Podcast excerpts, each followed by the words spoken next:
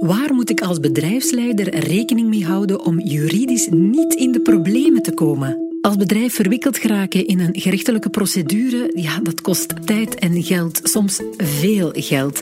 Denk maar aan Google België dat vorig jaar een boete van maar liefst 600.000 euro in de bus kreeg voor het foutief gebruik van data. Experten van het Brussels advocatenkantoor Loyens en Loef geven in deze podcast Loyens en Loef dichtbij tips en tricks over bijvoorbeeld aankoop van vastgoed of hoe je juridisch risicomanagement het beste aanpakt. Ik weet daar allemaal weinig over, maar gelukkig zijn hier Stefanie de Smet en Maria Clara van den Bossen van uh, Loyens en Loef. Dag dames. Goedemiddag. Ja, laat ons beginnen bij het begin. Sinds vorig jaar controleert ons land blijkbaar veel strenger de relaties tussen ondernemingen. Maria Clara, hoe zit dat precies? Ja, dat klopt. Eh, België heeft dus zeer strenge B2B-regels ingevoerd, die dus de relaties tussen ondernemingen regelen, nadat we al strenge consumentenwetgeving hebben onder invloed van de Europese Unie. En die nieuwe wetgeving heeft wel degelijk een grote impact op overeenkomsten die worden gesloten tussen ondernemingen. En België is daarmee eigenlijk wel een buitenbeentje, samen met een beperkt aantal andere landen in de EU die gelijkaardige wetgeving hebben, zoals Frankrijk. Ja, dus de EU die regelt het eigenlijk allemaal, maar België is nog strenger. Is dat dan goed nieuws of eerder slecht nieuws? Wel, de oorspronkelijke bedoeling was eigenlijk beperkter, namelijk de onderhandelingspositie van kleine handelaars gaan versterken ten aanzien van de giganten. En er werd bijvoorbeeld specifiek gedacht aan de bescherming van landbouwers ten aanzien van hun afnemers. Maar uiteindelijk is die nieuwe wetgeving wel um, veel ruimer van toepassing op alle ondernemingen, ongeacht hun aard of grootte. Ja, um, maar wat betekent nu die, uh, die B2B-wetgeving concreet, Stefanie? Wel, die is eigenlijk opgedeeld in drie grote luiken. Het eerste luik bevat de regeling omtrent onrechtmatige clausules in contracten tussen ondernemingen. En die is op 1 december van 2020 in werking getreden voor alle nieuwe contracten of contracten die sindsdien eh, heronderhandeld of vernieuwd zijn. En er wordt een zwarte lijst ingevoerd, enerzijds van clausules in contracten die altijd verboden zijn. Daarnaast is er ook een grijze lijst van clausules die vermoed worden van onrechtmatig, van onwettig te zijn, maar dat je wel als onderneming nog het tegenbewijs kan leveren. En dan daarnaast is er nog een, een algemene catch-all die eigenlijk zegt van ja, Zelfs al staat een clausule niet op de zwarte of de grijze lijst, dan nog kan het onrechtmatig zijn als het tussen de twee ondernemingen een kennelijk onevenwicht schept. Kan je er nu zo eens een voorbeeld van geven van zo'n zwarte of zo'n grijze clausule? Ja, uh, wat we vaak zien in algemene voorwaarden of in, of in B2B-contracten is bijvoorbeeld dat een onderneming zijn aansprakelijkheid gaat uitsluiten voor zijn eigen zware fout of voor zijn eigen opzettelijke fout. Dat is iets dat op de grijze lijst staat, dat je niet zomaar meer kan doen. Een andere bepaling is contracten gaan voor een onredelijke termijn gaan verlengen, zonder de tegenpartij de mogelijkheid te geven om dat contract te beëindigen, of om te voorzien dat een contract helemaal niet beëindigd kan worden door een tegenpartij. Dus dat zijn dingen die dan op de grijze lijst staan en die vermoed worden onrechtmatig te zijn, tenzij je het tegenbewijs kan leveren. Ja, um, nu dat klinkt allemaal in theorie wel, wel goed, denk ik. Hè. Er worden mensen beschermd, er worden bedrijven beschermd, maar tegelijkertijd heeft het ook wel een enorme beperkende impact, denk ik. Hè? Ja, absoluut. Um, beperkingen van de contractuele vrijheid eigenlijk tussen ondernemingen. Um, in het verleden of traditioneel is het altijd zo dat bedrijven de vrijheid hebben om onderling te contracteren wat zij willen, dat ze daar een vrijheid hebben. Um, maar hier is dat iets dat de wetgever dan gaat regelen en gaat zelf gaan inperken. Maar kunnen bedrijven dan niet ja, die, die wetgeving zelf wegcontracteren in hun onderlinge contracten?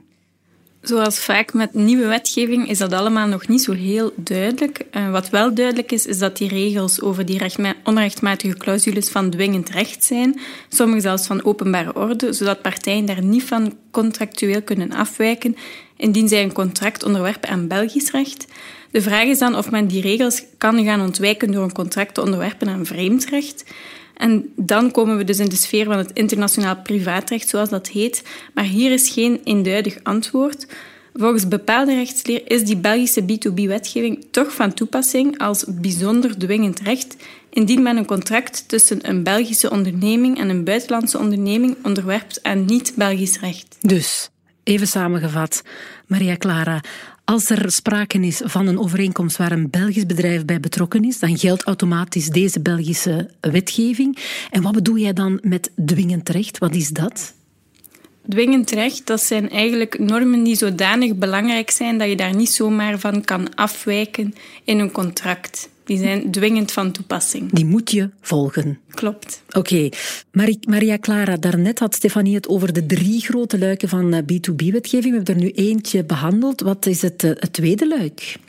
Dat tweede luik dat situeert zich eigenlijk in het domein van het mededingingsrecht en dat betreft het nieuwe verbod op misbruik van economische afhankelijkheid. Dan denk ik concurrentie. Gaat het daarover?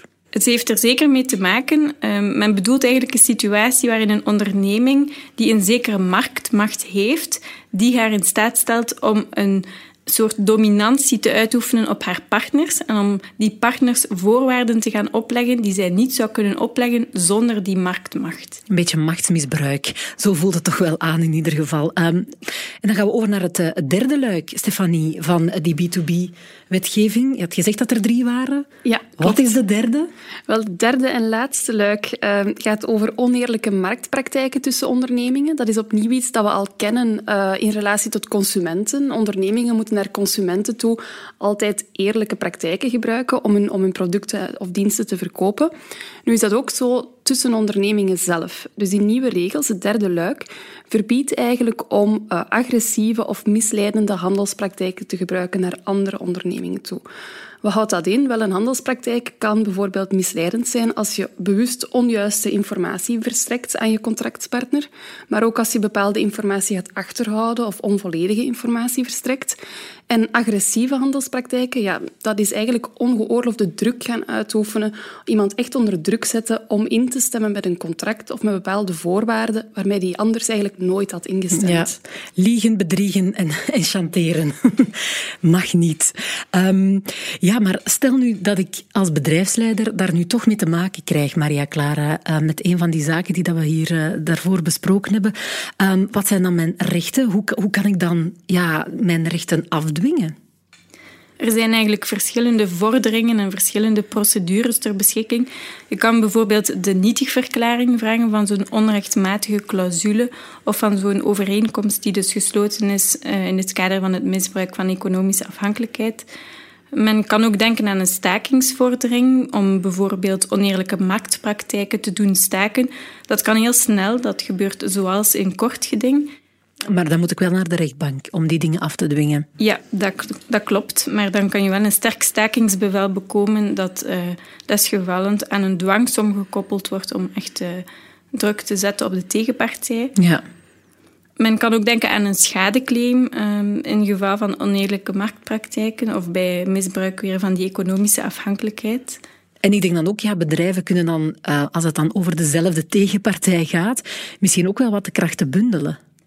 Ja, zeker, dat klopt. Dus dat is via de zogenaamde class action. Sinds 2014 kent ook ons land een soort van class action, de zogenoemde rechtsvordering tot collectief herstel, waarbij eigenlijk een groepsvertegenwoordiger een collectieve schadeclaim instelt voor rekening van een groep gedupeerden. En initieel kon dit enkel voor consumenten, maar sinds 2018 is deze class action dus ook van toepassing voor KMO's uit alle sectoren die zich kunnen laten vertegenwoordigen door een non-profit organisatie, bijvoorbeeld Unizo of, of, door een publieke entiteit. Ah ja, en gebeurt dat, het kan sinds 2018, is dat dan ondertussen al eens een paar keer gebeurd? Tot nu toe is er eigenlijk nog maar één class action ingesteld uh, namens KMO's. Dat was door het Neutraal Syndicaat voor Zelfstandigen en Horeca Brussel tegen Unisono en Sabam. Dat ging eigenlijk over het betalen van vergoedingen voor muziekverspreiding, terwijl er dus die verplichte sluiting was van de winkels en de horeca. En dat, dat vond men onrechtvaardig dat er dan toch een vergoeding moest betaald worden. En dan denk ik, ik vind dat ook onrechtvaardig, dus die zaak zullen ze dan wel gewonnen hebben? Ja, die is nog hangende, dus uh, ah. we wachten nog op een beslissing. Spannend. Um, ja, we hebben het al in het begin van de uitzending hier uh, over gehad. Uh, het voorbeeld van Google, die 600.000 euro, niet min boete die ze hebben moeten betalen. Um, ja, voor een schending van, of niet goed omgaan met data, hè, die privacy, toch wel belangrijk. Um, dat ervaar jij ook, hè, Stefanie? Ja, zeker en vast. Ehm, en dat heeft ook te maken met, met contracteren. Er zijn heel veel regels die, die van toepassing zijn op het uitwisselen van data tussen ondernemingen, tussen bedrijven. Ehm, en die regels, die, ja, het meest bekende voorbeeld is de GDPR. Uh, kennen we allemaal. Kennen we allemaal, hebben we allemaal heel veel mee te maken gehad. Uh, maar dat blijft zeer actueel. Um, zeker in de laatste maanden hebben we gezien, ja, met heel veel mensen die van thuis werken, er worden heel veel data elektronisch uitgewisseld. Um, daar is belangrijk om cybersecurity, om, om de regels van de GDPR in gedachten te houden. Maar tegelijkertijd beweegt er ook gewoon heel veel op andere vlakken in verband met, met data en privacy. Uh, je hebt de nieuwe klokkenluidersrichtlijn en wetgeving die dit jaar in België uh, van kracht zou moeten worden. Um, je hebt ook heel veel belang dat gehecht wordt door de regulator, um, door contractpartijen ook aan het uitwisselen van data in transacties, in overeenkomsten. En dat zijn zeker dingen, aspecten waar, waar internationale groepen, maar ook kleine KMO's, iedereen eigenlijk rekening mee moet houden. Ja, dus bedrijven uh, moeten daar onderling ook rekening mee houden. Dus niet enkel naar ja, naar ons, de, de consumenten particulier. Maar eh, stel nu dat ik als bedrijf, uh, dat mijn rechten op dat vlak geschonden worden, wat kan ik dan ondernemen? Ik hoorde daar net al een aantal voorbeelden in het geval van die B2B-wetgeving. Zijn er nog zaken die ik kan ondernemen? Ja, een stakingsvordering, zoals Maria Clara al besproken heeft, is hier ook mogelijk. Uh, daarnaast uh, kan je een strafklacht indienen, kan je ook een klacht gaan indienen bij de Belgische Gegevensbeschermingsautoriteit. Dat is heel eenvoudig eigenlijk om daar een klacht in te dienen. Die onderzoeken dan de zaak en die kunnen dan eventueel uh, een boete gaan opleggen aan het bedrijf dat die regels overtreden heeft. Ja, werk voor jullie dan, denk ik, hè? die juridische adviseurs. Ja, hebben jullie toch wel wat wapens om, om dat inderdaad te gaan, te gaan afstrijden? Ja, um, zeker. Als die boete dan nog wordt aangevochten voor uh, het Marktenhof, dat is eigenlijk een speciale kamer bij het Hof van Beroep in Brussel, die specifiek uitspraak doet in zaken tegen beslissingen van zo marktregulatoren, zoals dus de Gegevensbeschermingsautoriteit of ook de, de beurswaakhond, de FSMA. Ja, dus wapens genoeg, maar toch, ik vraag me dan af, um, boeken jullie vaak successen? Ik mag het hopen voor jullie. Hè, uh, maar die wetgeving, um, wordt die vaak met de voeten getreden? Maak je dat vaak mee? We zien toch wel dat er heel veel boetes worden opgelegd. Net ook omdat toch. die zo streng is en uh, gemakkelijk te overtreden is, zelfs zonder dat te willen.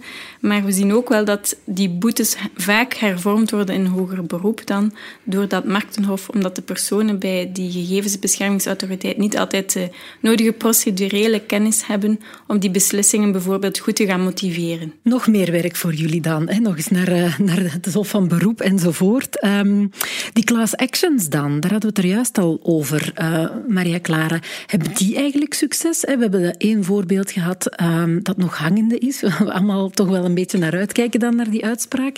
Maar zijn er ondertussen ook andere al opgestart? Het zijn nog geen Amerikaanse toestanden, als we het zo mogen ja. noemen, maar uh, sinds dat die wetgeving is ingevoerd, zijn er toch al tien class actions namens consumenten ingesteld en eigenlijk in zeer verschillende sectoren. Uh, in de vliegtuigsector, tegen Thomas Cook bijvoorbeeld, tegen Ryanair. Maar dan denk ik ook aan Dieselgate, Groupon, Apple, uh, zeer, zeer uiteenlopende domeinen. En dat zijn dan vooral die, die dossiers die ook in het nieuws komen, zo van testaankoop en zo? Ja, dat klopt. Want negen van de tien zijn effectief al ingesteld door testaankoop. Dus zij zijn er wel zeer actief. Ah ja. Um, en verwacht je eigenlijk nog meer van, van dit soort acties? De consument wordt ook altijd maar mondiger, heb ik de indruk. Hè? Klopt. En uh, die wetgeving, ja, die uh, wordt toch wel uh, meer populair. En we verwachten bijvoorbeeld wel meer vorderingen in het kader van de GDPR. En dan ook van die collectieve vorderingen. Zowel vanuit particuliere hoek als vanuit bedrijven dan? Ja, bedrijven, dat zal dan meer in de sfeer van het mededingingsrecht zijn, bijvoorbeeld, of oneerlijke marktpraktijken, dat de, de krachten zullen gebundeld worden. Oké. Maria Clara, Stefanie, we gaan eventjes samenvatten. Waar moet ik als bedrijfsleider, juridisch-technisch dan, rekening mee houden om ja, eigenlijk niet in de problemen te komen? Ja, dat hangt natuurlijk heel sterk af van de sector waarin het bedrijf actief is. Maar in het algemeen, uh, wat wij altijd meegeven aan onze cliënten, is uh, risicomanagement en juridisch risicomanagement is geen eenmalige check the box. Dat is een, een continue oefening van in kaart brengen van nieuwe wetgeving. Kijken dat je contracten in overeenstemming zijn met die nieuwe wetgeving, bijvoorbeeld B2B of GDPR. Ehm, en, en continu kijken van dat up-to-date te houden um, en van prioriteiten te stellen ook, uh, zodat je als bedrijf toch zeker de grootste risico's in kaart hebt gebracht. Ja, en misschien toch ook af en toe eens de juiste expertise, zoals die van jullie dames. Consulteren kan volgens mij ook geen kwaad. Dat mogen ze zeker altijd doen.